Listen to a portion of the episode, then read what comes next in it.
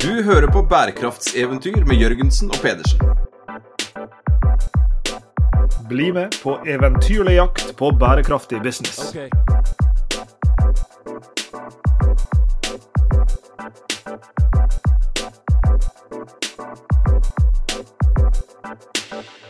Hvor lykkelig føler du deg i dag, Sveinung, på en skala fra 1 til 42?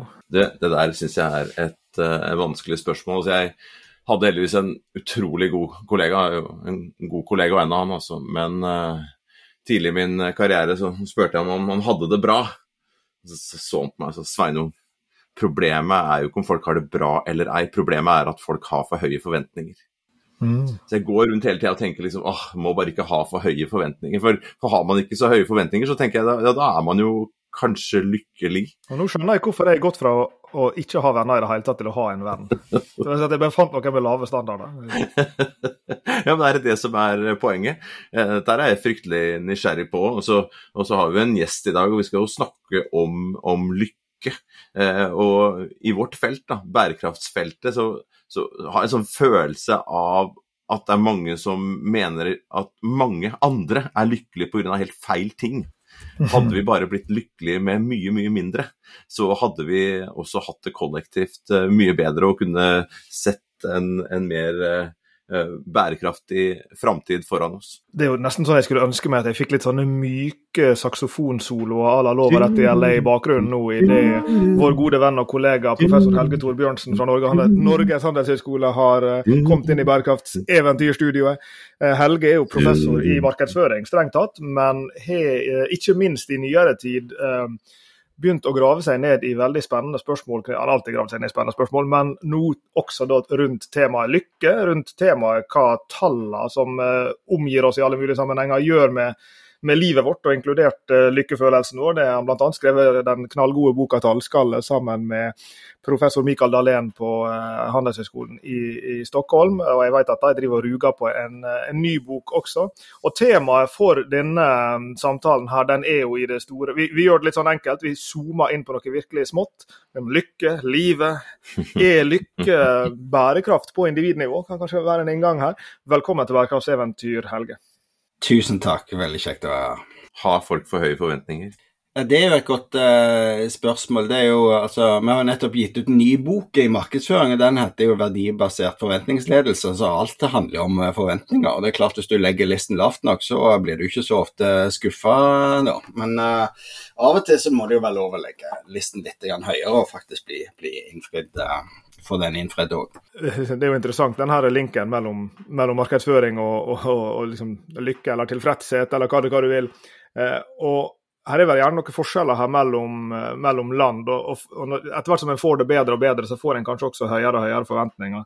Er vi, er vi liksom i Norge eh, havna i en sånn eh, på den her famøse tredemøllen hvor vi bare skal oppover og oppover i dette hierarkiet. og egentlig aldri blir eh, fornøyd med hvordan tingenes tilstand er. Du kan jo kanskje tenke det ut fra litt av de eh, de politiske debattene handler om eh, eiendomsskatt og bensinpriser og sånt, så kan du kanskje tenke at med, nå er det ikke så veldig mye store spørsmål igjen, og det vet vi jo alle at det er, særlig innenfor bærekraft. men men det er jo litt sånn at hvis du går og kjenner etter hele veien, eh, hvor lykkelig er jeg akkurat nå, eh, og hva forventninger har jeg til det, det er ikke en veldig god idé.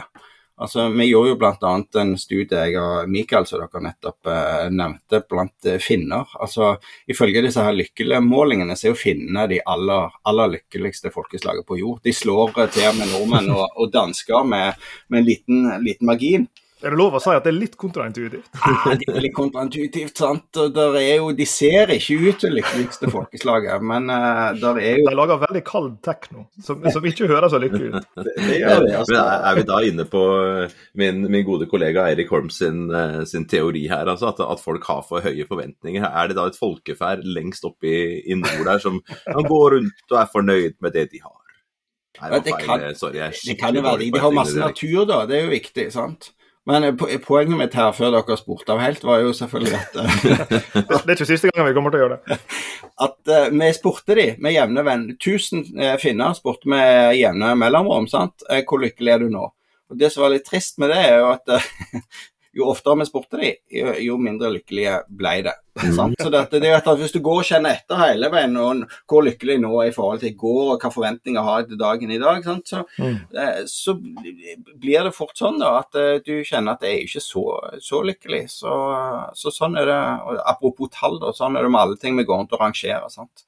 Jo oftere du rangerer filmer på Netflix, jo mer kritisk blir du, jo lavere score gir du. Og Sånn er det med lykke òg. De, så de ble egentlig mer og mer ulykkelige jo oftere vi spurte de hvor, hvor lykkelige de var. Men kan, kan, jeg følge opp med det? Fordi Jeg husker jeg drev og leste en del av denne lykkelitteraturen, både innenfor sånn positiv psykologi og, eh, og, og, og mer generelt, som, som liksom bobla fram kanskje på begynnelsen av 2000-tallet. eller noe sånt. Mm. Så, jeg husker et sånt råd som mange forskere eh, der hadde, det var jo det her med å, å liksom skrive en sånn uh, gratitude diary eller et eller annet sånt. At du liksom hele tida skal skal liksom minne deg sjøl på ting du er takknemlig for, eller hva det måtte være. Så Tror, du det vil være ulikt liksom, hva inngangen til, til et sånt eh, spørsmål er? Liksom, nær sagt, hvor lykkelig er du nå? Eh, kan, kan, det innrammes på en, på en måte som, som, gjør at det liksom betoner positive ting, eller vil, vil den her stadige reminderen om eh, hvordan går ting egentlig. Eh, stort sett være negativt. Nei, altså det, Der er jo mye forskning på masse driver og lykke som vi kan snakke om eh, senere. Men det med takknemlighet er jo en eh, ting som, som fungerer. Sant? Så det at Hvis du står opp hver dag og lukter litt på blomstene og tenker 'gud så heldig jeg er som har dette livet her', hvis du har den type innstilling til livet og kanskje òg skriver sånn type takknemlighetsdagbøker, da, sant? som vi har gjort litt studier på, så, så vet vi at det har en positiv effekt på, på lykke faktisk òg over ganske lang, eh, lang, tid. Så det å gå rundt og være takknemlig istedenfor å være litt sånn eh, mm. det motsatte, eh, det er jo helt åpenbart eh, knytta til, til, til, lykke. Og så er det jo som du også sier, Det kommer litt an på hvordan du måler det og hva inngang du har. Sant? Hvis du løfter det opp et hakk og snakker om livskvalitet, så er jo det et litt bredere begrep. sant? Vi snakker veldig ofte om, eh, om lykke som en sånn litt sånn affektiv 'hvordan har jeg det her og nå'-følelse. Eh, sant? Men det er jo etter hvert, når det er litt moderne forskning på dette, så er det jo to andre dimensjoner. og Det ene er jo mening. sant? At du kan oppleve mening i livet og, uten nødvendigvis å springe rundt og være sånn kjempeglad uh, hele veien. Og så er det en tredje ny interessant dimensjon som er kommet, uh, som er jo da psykologisk rikhet det å oppleve på en måte variasjon, da, eh, og eh, kanskje oppleve ting som er interessant og eh, kanskje litt smertefullt. og Sånn er det jo ofte med folk som har gått gjennom noe som er litt, litt tøft. og Så spør du de etterpå vil du vært foruten denne opplevelsen, her, så sier de nei. Sant? For dette, er en ganske, dette har vært en viktig opplevelse for dem. Så vi begynte å kikke litt på det òg, om det er på en måte en litt sånn tidsasymmetri i lykke. Da. At uh, her og nå har jeg lyst til å være lykkelig. Uh, fremover har jeg lyst til å ha et meningsfullt liv. Men når jeg ser tilbake på livet mitt, hva skal stå på gravstøtten, ja, så har du vært ute for mye rart, altså. Du har nesten dødd to ganger og vært på en fjelltopp og hatt mye opp og ned. og Det, det er et liv vi har lyst til å leve, men det er bare litt tungt å gjøre det akkurat, akkurat nå.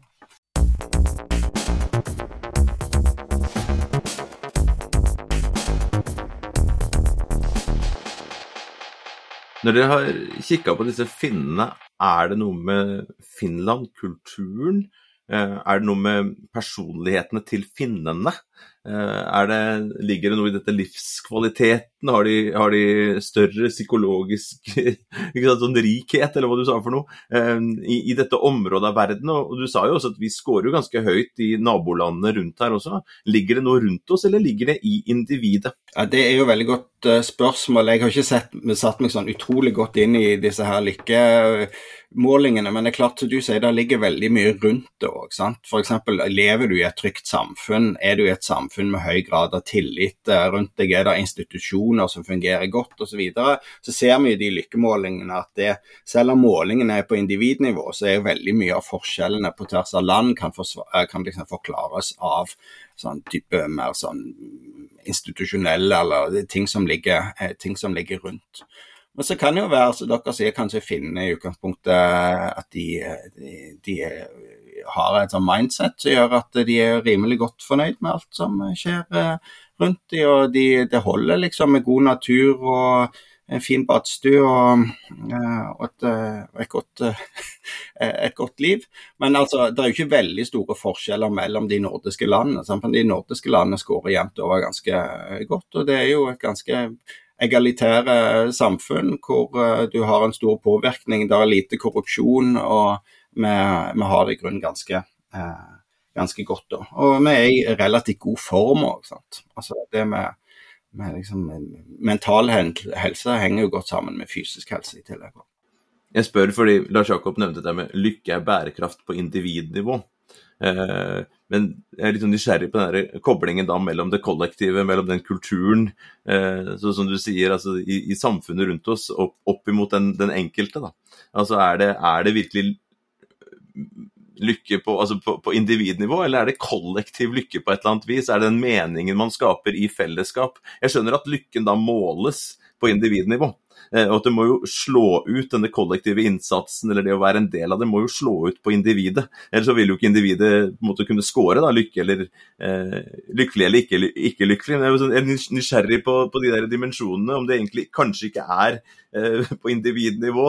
Eh, apropos disse driverne som du har sett nærmere på, ligger driverne mye mer altså er de mye mer kollektive? Altså Variasjonen er jo på individnivå. sant? Mm. Altså Der er jo der det er store forskjeller. Og, og, på en måte halvparten av dette er jo genetisk bestemt. sant? Du er født enten litt tussig eller tigergutt. sant? Så der, liksom, ja, men der er det, sånn er det bare. sant? Og du, det må du på en måte, det må du tilskrive liksom foreldrene dine. Eh, men så er det en god del eh, vi kan gjøre sjøl med, med med lykkenivået vårt. Men liksom snittet mellom land, det skyldes jo i stor grad ting rundt. sant? Altså Det er gjort masse forskning på dette med penger og lykke, eh, f.eks. Og det har det vært mye kontroverser i, eh, i, det siste. Men det vi vet helt sikkert, er at eh, du er ikke lykkelig hvis du er fattig. sant? Så det at eh, hvis du bare unngår eh, fattigdom, så går lykkenivået opp. Eh, og så er det litt sånn eh, blanda funn om eh, hvor mye penger som skal til der for å gjøre deg lykkelig, og når den avtar.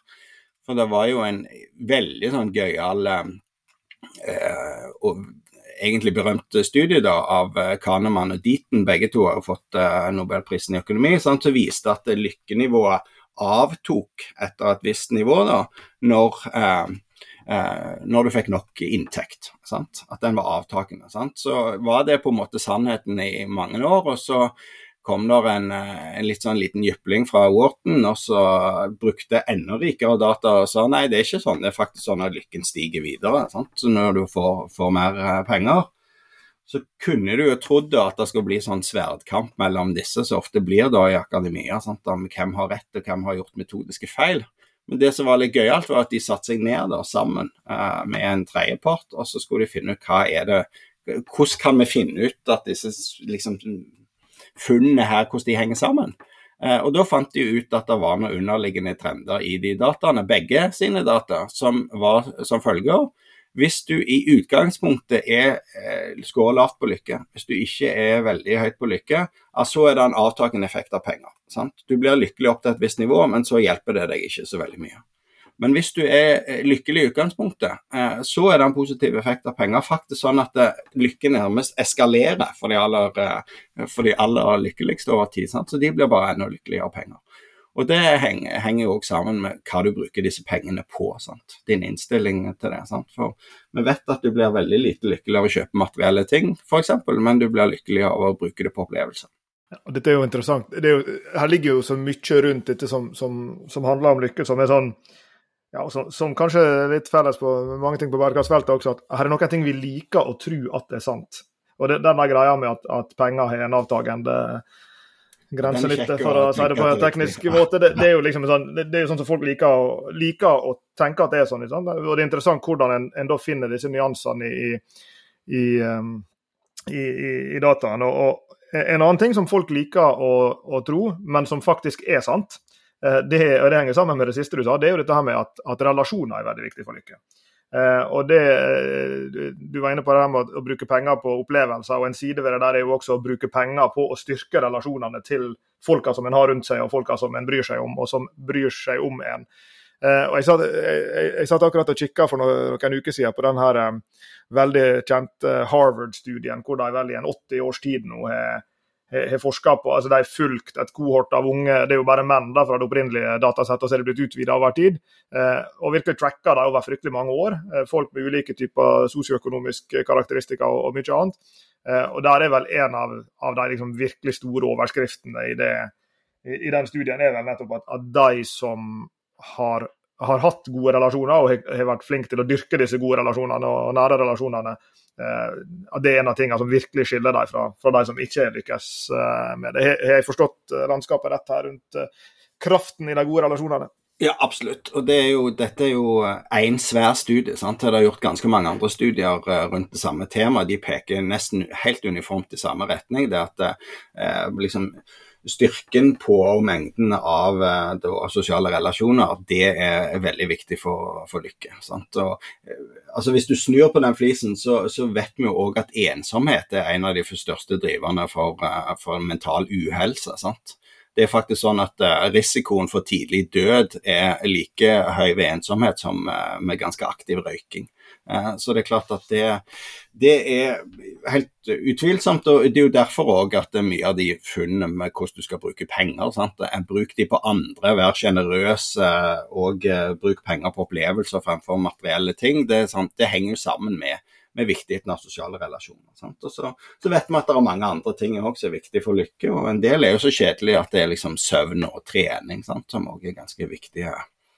Um, viktige ting. Og alle disse tingene vi snakker om, sant? sosiale relasjoner, søvn, eh, trening, bruke penger på opplevelser istedenfor eh, ting, bruke, prioritere tid foran penger. Alt dette er jo bærekraftig. Det handler om bærekraft. og Det var derfor jeg, jeg tenkte liksom at eh, lykke fører til bærekraft, og bærekraft fører til lykke. Det er jo også sånn at hvis du hvis du bor en plass i et samfunn som er bærekraftig, og det er mye grønt rundt deg f.eks., så vet vi jo at de menneskene som bor i den type omgivelser, er mer lykkelige enn de som bor et annet sted. Check it out.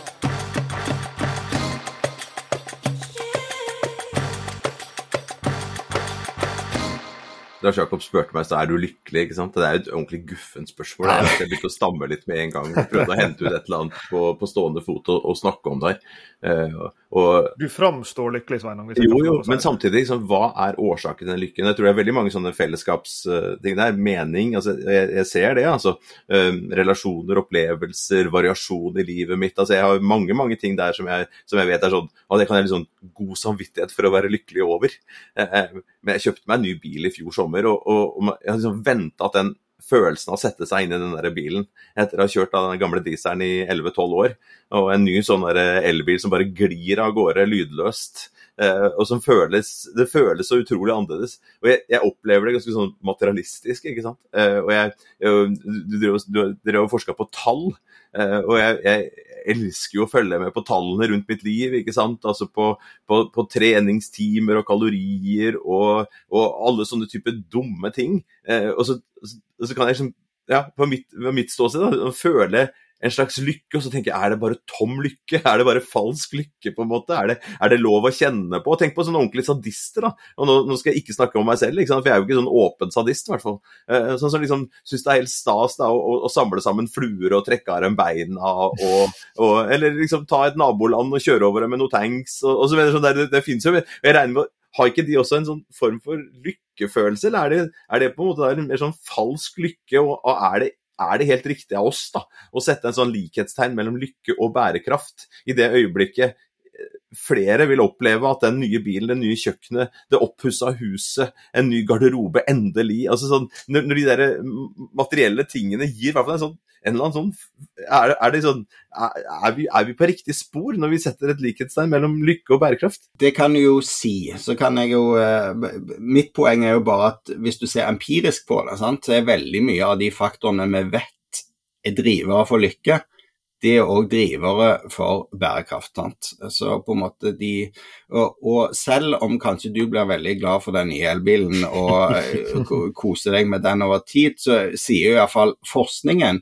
Eh, at den eh, gløden går over fortere enn du tror. sant? Eh, og Det er jo derfor derfor forskningen ganske sånn entydig viser at det med å på en måte bruke penger på opplevelser istedenfor materielle goder er en bedre vei til lykke. og Det er jo pga. at du har det sant, som på fint kalles hedonisk tilpasning. at du når du kjøper den bilen, så sant, har du gleda deg noe voldsomt til den og tenker at nå blir livet mitt helt annerledes, og denne lykken kommer til å vare veldig lenge og være veldig eh, intens. sant? Og så, så, viser det seg iallfall empirisk, da, kanskje ikke for Sveinung, eh, er jo at, den, eh, at, den, eh, at det er faktisk sånn det er. At den, den lykken eller gleden over det materielle eh, gjenstanden da går over mye fortere enn vi, vi tror. Sant? Vi er jo utrolig tilpasningsdyktige som mennesker. Vi blir veldig vant tingene rundt oss. Og det er jo en bra ting når det gjelder å takle negative ting i livet. sant? Altså du kan jo, Til og med folk som havner i rullestol etter bilulykke, er jo oppe, nesten oppe på sitt eget liksom basis lykkenivå etter eh, to-tre år. sant? Så Enten det er negative eller positive på en måte eh, hendelser, så, så, havner vi litt på vårt eget lykkenivå etter et par-tre år. Enten du da er tussig på et litt lavt nivå, eller du er tigergutt sant, som er litt Eh, litt høyere. Men uh, det, du skal jo ikke skamme deg over å være glad for den nye elbilen. Elbilen er sikkert mer miljøvennlig enn den gamle dieselbilen. Men, men jevnt over så tror jeg at det, det, det går over fortere enn vi, vi tror det. Og jeg er òg veldig glad i biler, og uh, gleder meg alltid til den neste. Og så varer ikke gleden så mye lenger første verkstedbesøk. Men kanskje er det en sånn der, den litt sånn komplekse sammenhengen her. Du var jo inne på disse ulike eh, dimensjonene av lykke og den hedoniske delen av det som du er inne på her, det er jo en. Og kanskje er det det at altså Hvis du tenker på hva er det som er driverne for ubærekraftighet, f.eks. For i form av overforbruk, da, er det kanskje nettopp fordi at vi i så stor grad styres av disse hedoniske impulsene. Og så er det herlig å kjøpe seg en ny skjorte, men så er problemet at den skjorta den er ikke ny lenger etter en liten stund. Og da kan du kjøpe deg en ny skjorte, og så får du en ny liten sånn hedonisk peak så at vi i en viss forstand styres for mye av den delen av lykkekompasset vårt som har en sånn kortsiktig glød, heller enn av disse andre dimensjonene som, som du har vært inne på, mening, eh, psykologisk rikdom. At vi går ikke inn i uka og tenker liksom denne uka her så skal jeg eh, virkelig liksom gi eh, den lang, langsiktige lykkefeelingen min en, en, boost ved å oppleve en del litt sånn litt kranglete ting og litt vanskelige ting. Kanskje skal jeg, skal jeg prøve å nesten dø i ei bilulykke på fredag, men komme ut av det i live. Ja, det er et eller annet lett og enkelt ved å jage det hedoniske på bekostning av disse andre dimensjonene, kanskje. Ja, og det er jo derfor vi er på en måte litt i gang med den forskningen og finne ut at det er en sånn der eh, Lykken er veldig sånn nåtidsfokusert, sant? og de andre tingene er fremoverskuende eller, eller bakoverskuende. Men mitt poeng er jo litt at det, hvis alle altså Grunnen til at bærekraft henger sammen med lykke, og hvis alle blir litt lykkeligere, så oppfører de seg på en mer bærekraftig måte. Sant? Fordi at uh, lykkelige mennesker har ofte mer overskudd, og de har ofte mer selvkontroll. Sant? Så uh, mange beslutninger er jo dårlige pga. at vi ikke er litt sånn under the weather. Sant? Fordi vi ikke gidder, vi har ikke overskudd, vi mangler selvkontroll vi glemmer å ta med handlenettet til butikken, for du er litt sånn ute av det. Uh, du spiser junkfood, du kjører bil istedenfor å sykle.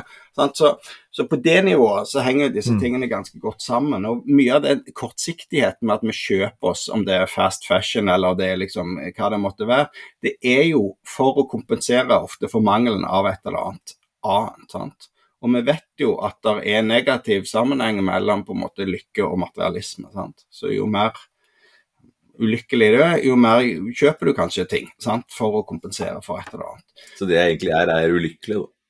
Ja, det kan eh, alle kan ha en dårlig dag, Sveinung. Det går litt, eh, litt, opp og ned. Men hvis, hvis, du ser litt sånn veldig, Nå begynte du å snakke om positiv psykologi i. Men hvis du klarer å løfte alle noen eh, få prosent, da, så kommer de til å oppføre seg på en måte som er mye mer bærekraftig, pga. at driverne for lykke og bærekraft de henger sammen. Det finnes jo et land i verden som har dette her som et sånt eh, stort prosjekt. Eh, jeg vet ikke hvor bevandret dere er i filmer fra Bhutan, men jeg kan jo fortelle litt. Bruttonasjonallykke. det var ikke så innmari lenge siden jeg plutselig havna på, på, på, på, kino her med min kone, og det var da en eh, A Yuck in the Classroom fra 2019. Og Bhutan er et artig, artig land, for der er jo en, en, kar som bestemmer, som har på en måte bestemt at de skal være lykkelige, hvis jeg skal uh, parafrisere med litt uh, frekkhet. Uh, og de, de, har jo et sånt kollektivt prosjekt, og den der filmen av Jack det handler jo om en, en forvirra ung mann da, fra, fra storbyen som uh, sitter på mobilen sin altfor ofte, og som drømmer om å kjøpe ting, og, og, som har lyst til å flytte ut av Bhutan og kanskje dra til Japan eller et annet sted og, og, og bli litt sånn sangstjerne og tjene litt penger og, sånne ting.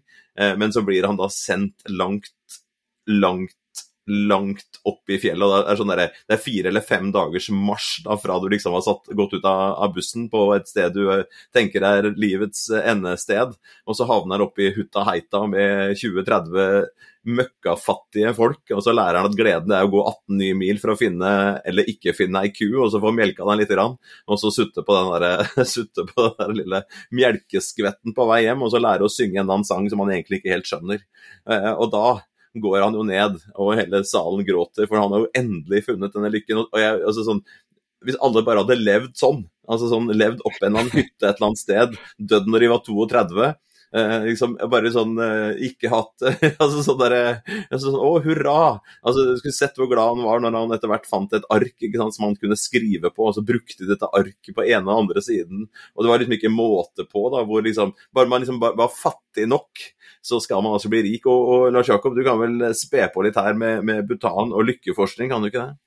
Ja, du, jeg tror eh, Helge kjenner vel litt Du sa det her bruttonasjonal uh, lykke. Dette er jo måten de prøver å måle det på, Helge. Du er, du er vel kjent med både case og, landet? Og... Ja, også selvfølgelig butanske filmer. altså jeg, Unnskyld at jeg, jeg, tok det for gitt at det ikke var Sveinung går alltid på den butanske filmfestivalen ja, ja. år. I slutten av september. Ellers så blir jeg ikke lykkelig.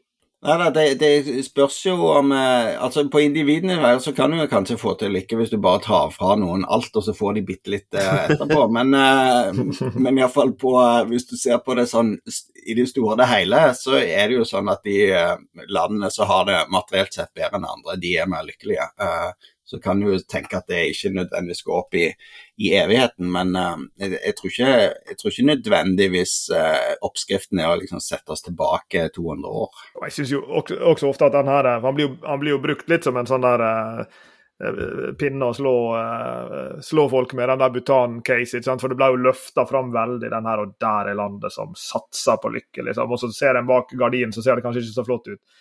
men det det er jo en sånn her jeg tenker da, vi, vi, var inne på sammen, forskjellene og likhetene mellom de skandinaviske landene i stad, f.eks. Og, og hvordan er det relativt sett sammenlignbare land skiller seg fra hverandre? Det kan være for den del USA kontra Europa. Og, og, og en vil vel sånn i det store kanskje lære mer av å, av å sammenligne land som, som relativt sett eh, eh ligner mer på hverandre. Men det er klart at hvis vi tenker på det i det store, så er jo, er jo lykkeutfordringa der fra et hvilket som helst liksom baseline-nivå eller utgangspunktnivå. Og vi er jo selvfølgelig like interessert i, i å heve lykken til noen som er helt på bånn på, på, eh, den tredemølla der. Og, og likeså de som er, eh, er, er, lenger oppe.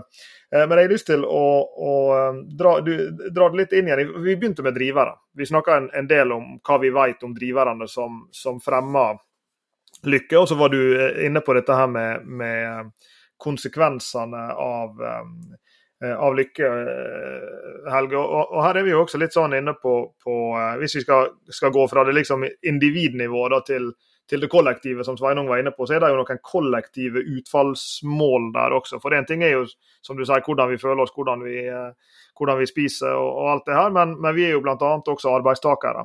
Vi, vi, er på jobb. Hva vet vi om, om sammenhengen mellom Eh, kall det opplevd lykke, og, og hvordan en agerer f.eks. på en arbeidsplass eller andre sammenhenger.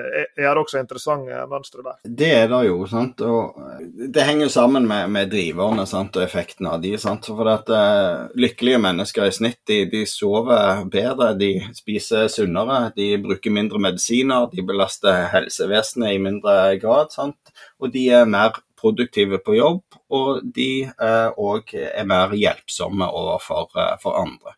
Så, så, for det første så er det jo sånn at eh, ja, hvis du er lykkelig eller har det bra, sant, så gjør du en bedre innsats på jobb. Du er mer hjelpsom overfor kollegene kollegaene dine. Og, og, på en måte hjelpsomhet og sjenerøsitet er jo noe som smitter. Sant? Så da smitter det over til andre, uh, andre arbeidstakere. Så Det er jo òg en av grunnene til at det er jo kanskje litt snodig. Vi har et lykkekurs på NHH. Sant? Du kunne tenke det er sånn selvhjelpsgreie som folk egentlig burde gjøre på, på fritiden. Men, men, litt av poenget er jo at ja, hvis du er hvis du er leder, da, eller iallfall arbeidstaker i en bedrift, så er det greit å vite litt om, om hva det er som driver lykke og konsekvenser av det. For da klarer du å tilrettelegge for et bra eh, arbeidsmiljø og arbeidsbetingelser og produktivitet for, for disse rundt.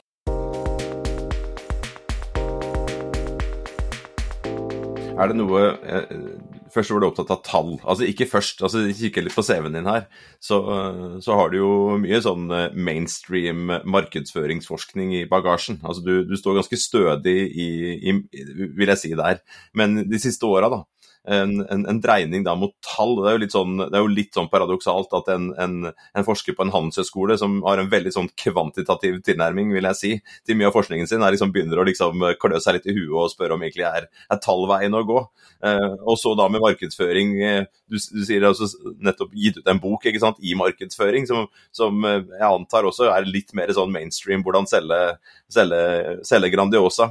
Eh, og, hvordan, og, så, og, så, kommer denne lykkedelen din. Er, er, hva, vil, hva, vil, det neste være som du skal ta tak i, som er litt sånn der motstrøms fra, fra, fra, fra det? Og, så, så, man tenker i hvert fall sånn eh, Ja, stereotypisk om en, en handelshøyskoleprofessor i, i, økonomi slash markedsføring? Ja, jeg tror ikke vi, jeg tror vi, ingen av oss er så stereotypiske som man kanskje for, skulle forvente. Men uh, altså det, iallfall fra mitt ståsted så handler det jo om en nysgjerrighet av hvordan mennesker er skrudd sammen, og hvordan vi gjør beslutninger, og, og, uh, og, hva det er som, som driver oss. Så det at uh, Underliggende for min forskning er jo det er 90% sosialpsykologi, sant? som er og hvis du tenker at jeg er langt utenfor boksen, så, jo, så er jo Mikael Dahlén som jeg jobber med, er jo enda lenger utenfor boksen. Men, men, jeg tenker det er jo veldig mye interessant i hvordan vi opplever verden eh, rundt oss. Sant? Så den Boken om tall handler jo veldig mye om, om hvordan vi blir bevisst og ubevisst påvirka av, av, tall, sånn, som ikke var veldig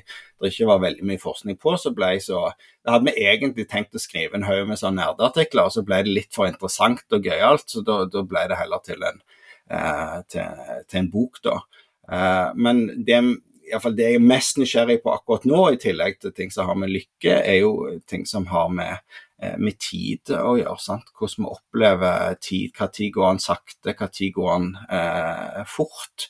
Eh, hvordan tenker vi om fortid og fremtid? Eh, tid versus penger. Sant? Hvorfor, vi, hvorfor går ting mye fortere enn før? Sant? Til og med ganghastigheten vår er gått opp betraktelig de siste, ja, ja, de siste årene, og særlig i urbane strøk. Da, og hva, hva, sier det om oss, og hva, hva skiller folk som står stille på et rullebånd versus de som går uh, raskt fremover?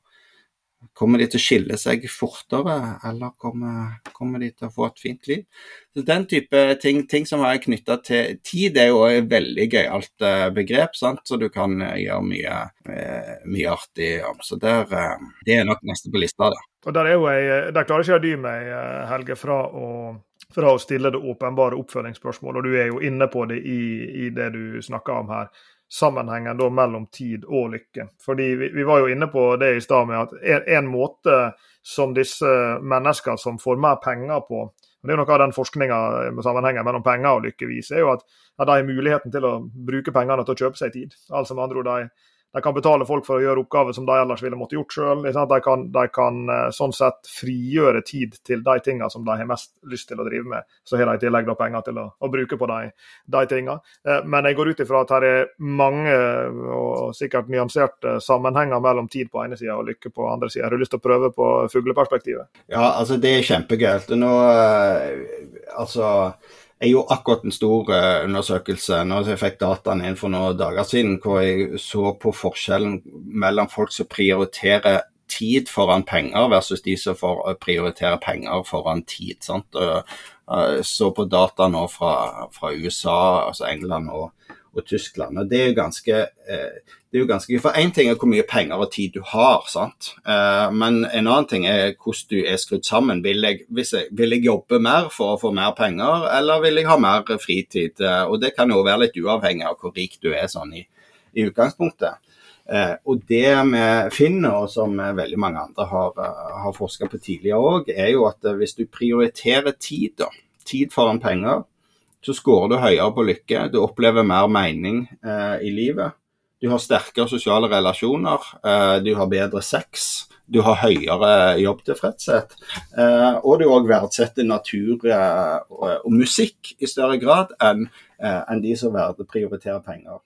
Så Baksiden av den mynten er at hvis du da prioriterer penger mer enn tid, så er det jo travlere. Du, du, jobber mer, du spiser mer usunt. Du angrer i større grad på beslutninger du gjør. Eh, du speedwatcher filmer i mye større grad. Det er jo ikke veldig bærekraftig. sant? Du bruker mye båndbredde på det. Eh, og så er du i snitt mer redd for å dø. Så um, um, så ting, ting, henger sammen, og det å prioritere tid uh, versus mange andre ting henger også sammen med lykke, den, i, den betydningen at det er det, det, ja, hvis, hvis, du prioriterer et mindset som tenker at det er, er, viktig, så er du lykkelig. Og Så spørs det jo her liksom, hvilken vei pilen går, da. Om det er sånn at lykkelige mennesker i større grad prioriterer tid, eller om hvis du prioriterer tid, så blir du lykkelig. Veldig vanskelig å vite. Hvordan introduserer du dette her når du, når du holder av kurs på, på NHH i lykke?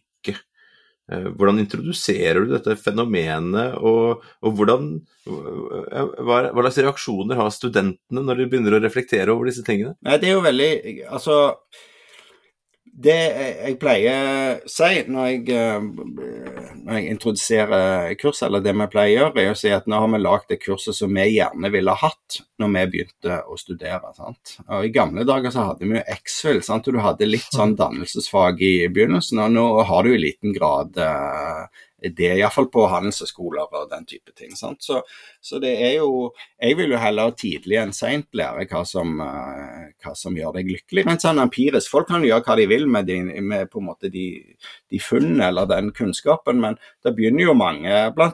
på en handelshøyskole, som tror f.eks. at uh, penger og inntekt er kanskje en veldig viktig driver for lykke. Så kan jo vi dekomponere det litt. Ja, men bare hvis uh, sånn og sånn. Og så kan vi introdusere de tingene, så har vi viktigheten av søvn og trening og andre ting. Og Hvis jeg hadde visst mye av, eh, av det jeg vet nå, eh, så kan det jo være at jeg hadde vært enda litt smartere da når jeg var student, eller når du gjorde yrkesvalg. og ja.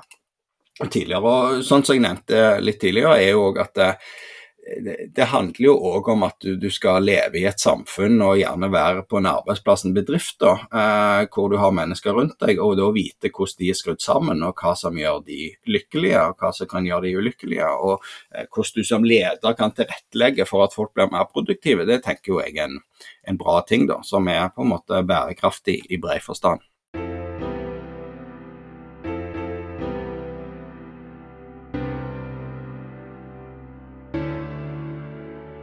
Kan du ta oss litt med inn i det er jo fristende når vi sitter her tre forskere sammen, og, og vi, vi, vet at du har jobba med, med, ulike typer målutfordringer eh, i, i forskning av veldig mange eh, både sosialpsykologiske fenomen og, og, ting som knytter seg til markedsføring og, og i det store og hele. Og, her, som du var inne på helt i starten av samtalen, så er det jo åpenbart krevende eh, altså måle måle utfordringer. Eh, jeg husker veldig godt eh, nå husker jeg ikke lenger hva han het, Michael et eller annet, tror jeg. Han her på Harvard som skrev denne boka om lykke for en del år tilbake. Michael Norton? Det stemmer. Han ja. var jo på NHH en gang og, og holdt et foredrag eller et eller annet. I hvert fall satt jeg i rommet og hørte han prate, og han brukte dette eksempelet med, med en fjelltur. Han sa han og familien elsker fjellturer. Mens hvis en forsker hadde løpt ved siden av dem på denne fjellturen, eller fra de dro hjemmefra, satt seg i bilen, kjefta på hverandre, glemte kjekspakken og På vei opp på fjellet, de svetta, det var fluer, eh, de kjefta enda mer, ungene begynte å slåss. Eh, liksom Du kunne se konturene av en skilsmisse sånn eh, langt framme der. Eh, og når de kom ned igjen, så var de så slitne at de omtrent ikke orka å sette seg inn igjen i bilen. Og som han sa, på et hvilket som helst tidspunkt langs den der reisen, der, hvis denne forskeren løp ved siden av og ba dem sette et tall på hvor bra de hadde det, så ville det tallet være veldig lavt. Men hvis etter de har kommet hjem, tatt seg en dusj, satt og tok en kopp kakao på kvelden, du kom og spurte hvor bra denne dagen vært, så var det gjerne åtte av ti eller ni av ti. Eh, og, der har du sånne paradokser. Dette er jo selv innenfor bare én opplevelse, én dag, én ting. Eh, men som du har vært inne på, så ok, her er flere dimensjoner. her, Det er liksom det, det hedoniske, og det er det meningsmessige, og det er det psykologiske rikdommen. Og, og, og, og liksom du har tidsdimensjonen, som vi nå har vært inne på. at, at ting altså Ting fluktuerer jo, og de påvirkes av at ja, i dag har vi bare en dårlig dag fordi jeg sov dårlig i natt, eller fordi at jeg har det veldig travelt, eller you name it. Hvordan eh, i all verden eh, er det du og, og andre som, som, forsker på dette, klarer liksom å, å avgrense disse fenomenene sånn målemessig, rent forskningsmessig, når en skal prøve å fange opp hvor lykkelig er Lars Jakob Tynes Pedersen i dag og i det store? Ja, Det er jo et godt spørsmål. og det er jo, altså Vanligvis så ligger jo sannheten midt mellom mange typer uh, målinger. Da, sant? Så det, det, du refererer til der, så er en mer sånn experience sampling-greie, med at du spør folk med ujevne mellomrom. Sant? Helt tilfeldig tidspunkt på dagen, hvor lykkelig er du nå? og så på en måte spoler du tilbake og ser hva de har gjort den dagen, eh, er jo én måte å uh, å gjøre det på, så var jo egentlig det vi gjorde med disse her finnene. da, sant? Og Hvis du gjør det ofte nok, så gjør jo at målingen i seg selv eh, saboterer for, eh, fenomenet du skal eh, studere. da, sant? Fordi at de, de gradvis tilpasser seg til tidligere mål. Men vanligvis er det jo sånn at ting som har med velferd, lykke, tilfredshet, eh, lojalitet, den type ting, er jo subjektive mål. Sant? Så dette, ofte så går det ganske greit, og du får et veldig, et veldig godt Eh, på en måte mål på ting, hvis du bare spør folk. sant? Eh, Sveinung, hvor lykkelig er du i dag? Hvor bra har du det i, i dag? sant? Mm. Eller uh, hvis du ser tilbake på den forrige uken sant? hvilke meningsfylte aktiviteter har du gjort, eller hvor mye mening har du opplevd? Så, så det, har vi jo etter hvert innenfor sosialpsykologien klart å etablere en del sånn gode mål. Så det spørs jo bare hva du skal bruke de til, da, og hva de skal predikere. Men jeg synes jo det Eksempelet ditt Lars Jakob, er jo veldig godt, sant? for dette, det er jo en veldig illustrasjon på, på hvordan dette med på en måte opplevelser kan gi mer verdi da, enn f.eks. materielle ting. For dette, en opplevelse den gir, jo, gir, deg jo ganske mye både i forkant og etterkant. Også, du, forvent, du skal på en fjelltur eller du skal ut og reise, sant? så har du forventninger. og Du har en sånn mm. Positiv forventning som, eh, som ligger der, som gir deg glede i forkant. Så kan det jo være at eh, når du først var på den ferien eller fjelltoppen, at det var mygg og unger som skreik, og det var liksom litt sånn krevende i utgangspunktet. Og kanskje det skårte høyere på psykologisk rikhet enn det egentlig gjorde på, på lykke. sant? Men så har vi jo heldigvis da en selektiv hukommelse og er veldig tilpasningsdyktige. Så i etterkant, når du ser tilbake på en ferie, sant, så ser du ofte på den gjennom veldig sånne rosa glass og tenker at dette var, var veldig, veldig bra. Sant? Så, så ofte så er jo en ferie eller, en tur mye bedre i forkant og i etterkant enn den var akkurat der og da, hvis du hadde målt det. Men, men men hva er rett, da? Er det på en måte den opplevelsesmålet som du da hadde spurt om akkurat når ungene var blitt sure når det var begynt å regne på den turen, eller er det når du etterpå sier hvor bra var denne turen, sant? og du skuer tilbake? Og Det er det du sitter igjen med i, i stor grad i etterkant. Forventningsledelse snakket du om i stad, denne nye boka deres. Det er vel Suppellen, Torbjørnsen og Troje som har kommet med andre utgave av den eh, gode klassikeren 'Markedsføring', med da undertittelen 'Verdibasert for, eh, forventningsledelse'. Eh, jeg og Lars Jakob er opptatt av forretningsmodeller og, og, forventer ikke at du er det. altså Bare for å ha satt den forventningen klart. Men i markedsføring så ligger det jo en kommunikasjon og en forståelse av kundene eh, og andre interessenter da, og, og, og bedrifter og, og, samspillet mellom dem. Eh, jeg sitter og tenker her at de bedriftene som klarer å skape disse følelsene av lykke, de, de må jo ha et eh, veldig sånn kraftfullt potensial i ditt arbeid da, i, i, i krysningen her mellom ja, sosialpsykologien, som du sier, og så er det tallene og, så, og, og lykke og nå over i tid. Har du noen sånne eksempler som, som, som, som faller inn på, på, bedrifter som klarer å spille på noen av disse tingene og, og knytte det inn i forretningsmodellen, sånn, inn i verdiforslaget til, til kundene? Og En ting er som du sier, lykke opp mot disse studentene i eget liv, og også da når de skal være ledere. Altså, ok, Da er det i organisasjonen, men dette samspillet mellom organisasjonen og og andre interessenter. Er det noe som, er, har du noen eksempler på, på, bedrifter som klarer, eller kanskje ikke klarer, å, å spille på disse, disse driverne for, for, lykke? Ja, altså Hvis du tar det med forventninger, sant, så er jo på en måte det åpenbare eksempelet er jo kanskje Apple, da, sant, som har vært veldig flinke i å bygge forventninger om det mm. neste produktet som skal komme. sant? Uh, og de, de, gjorde jo det kunststykket sant, når de lanserte den første iPhonen. sant? Eh, så lanserte de den. De bygde noen helt enorme forventninger. De, de forhåndslanserte den da seks måneder før han kom på markedet. Og Det ble gjort undersøkelser i USA om på en måte hva er den beste mobiltelefonen og hvilke liksom, egenskaper har den. Og iPhone skåra jo altså Amerikanere mente det var den beste mobiltelefonen på markedet tre måneder før han var lansert. Sant? Så det om å bygge forventninger og fremtidsoptimisme og Så kan du selvfølgelig si hvis du bygger, legger listen altfor høyt, så har du jo mulighet for å skuffe, uh, skuffe mennesker. Men, uh, men, vi har gjort en del uh, studier på akkurat det med, med å bygge de forventningene og forhåndslansering. og Det som er litt gøyalt, er jo at med en gang du da bygger den forventningen om at det neste produktet eller det kan være filmen, det kan være hva det måtte være, så drysser det ned på resten av porteføljen da, i denne bedriften. Sant? Så mens du går og venter på den nye iPhone, jeg vet ikke hva det er nå, 16 eller 17 eller eh, hva det måtte være, eller det nye store produktet fra, fra en eller annen eh, aktør, så oppjusterer du òg eh, kvalitetsvurderingen av de andre produktene i porteføljen. sant?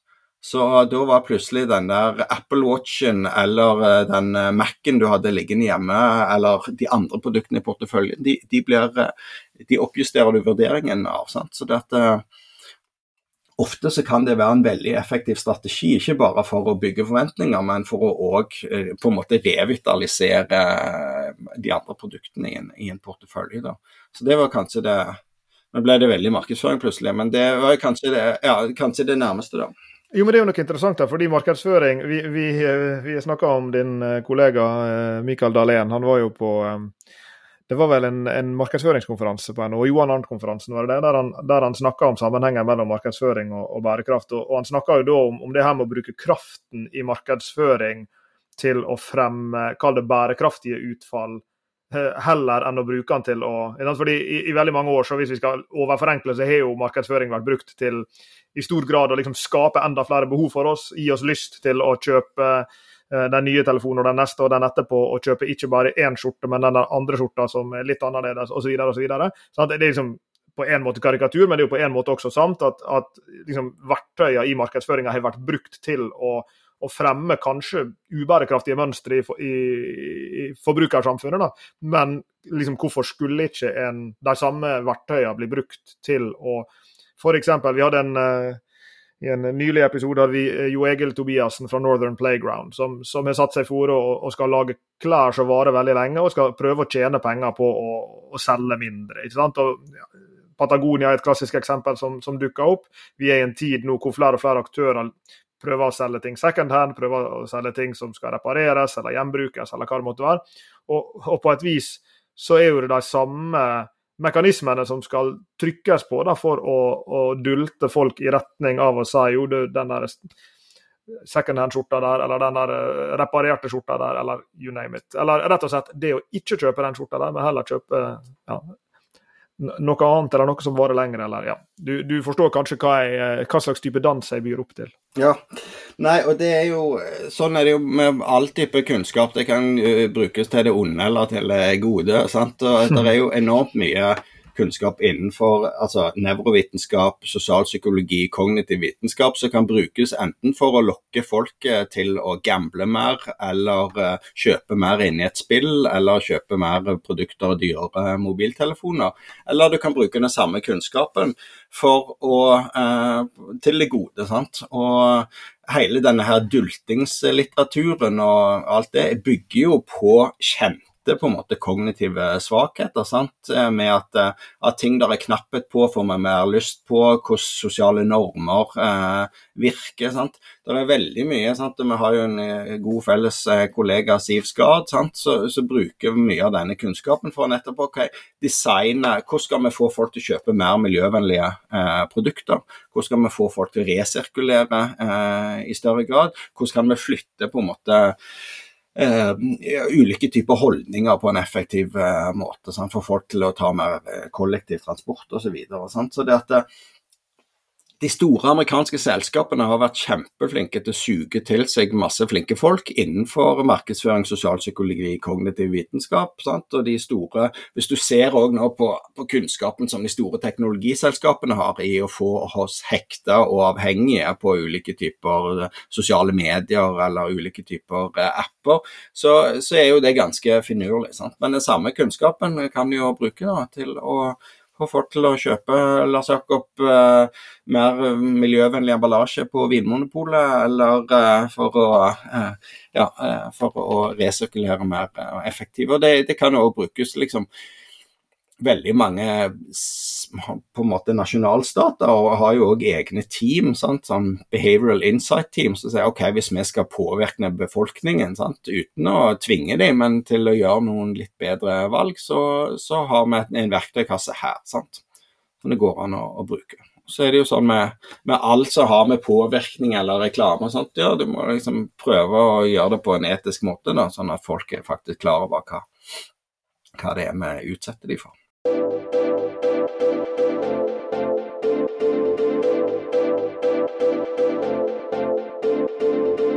Her har vi eh, åpna opp en uh, spennende eske med, med, med, mye interessant. Og, og jeg, det er mye i meg som har lyst til å gå videre på den der siste, siste her rundt den Kall det forretningsmodell, bare for, å, for å ha et samlebegrep om hva bedrifter er.